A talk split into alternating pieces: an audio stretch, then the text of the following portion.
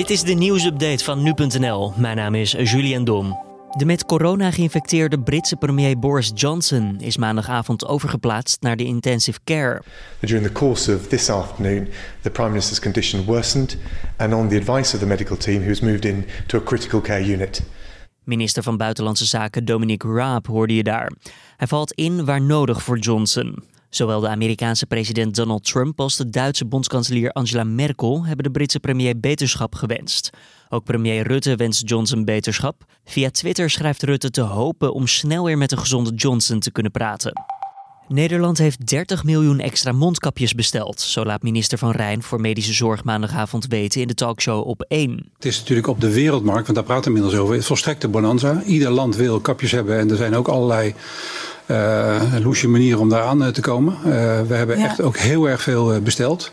Vanwege die bonanza wordt gekeken of de productie van mondkapjes ook in Nederland kan worden gerealiseerd. Volgens de minister heeft zorgpersoneel ruim 4 miljoen mondkapjes per week nodig om zich goed te kunnen beschermen tegen het coronavirus. Het Australische Hoge Rechtshof heeft dinsdag George Pell vrijgesproken van zijn veroordeling van misbruik. Pell was financieel adviseur van het Vaticaan en tevens de hoogst geplaatste geestelijke die werd beschuldigd van misbruik binnen de katholieke kerk. De 78-jarige gelovige is met onmiddellijke ingang vrijgelaten.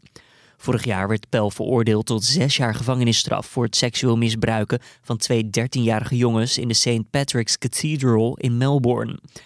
Volgens het Australisch Hoge Rechtshof was het bewijs dat aan de jury was geleverd echter niet overtuigend genoeg voor een veroordeling. Terwijl de woningnood nog torenhoog is, bedreigt een nieuwe crisis de bouw. Het zou de derde bouwcrisis in 12 jaar tijd zijn, dat zegt het Economisch Instituut voor de Bouw, oftewel het EIB.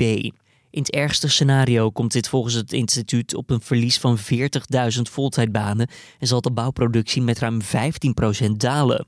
Daarvoor gaat het EIB wel uit van een economische krimp van 5%. Het Centraal Planbureau voorspelde eerder dat de Nederlandse economie met 5% kan krimpen als het openbare leven zes maanden lang stil ligt. Minister Stientje van Veldhoven van Milieu en Wonen heeft maandag een spoedwetsvoorstel ingediend dat ervoor zou zorgen dat tijdelijke huurcontracten tijdens de coronacrisis voor een korte periode kunnen worden verlengd. De wet moet voorkomen dat huurders, van wie het contract binnenkort verloopt, tijdens de coronacrisis op zoek moeten gaan naar nieuw woonruimte. Tegelijk moet de wet verhuurders ook beschermen. Op dit moment kan een tijdelijk huurcontract namelijk door hen niet met slechts een korte periode worden verlengd, maar alleen worden aangepast naar een contract voor onbepaalde tijd. De wet zal gelden voor contracten die eindigen tussen 1 april en 30 juni 2020. En dit was dan weer de nieuwsupdate.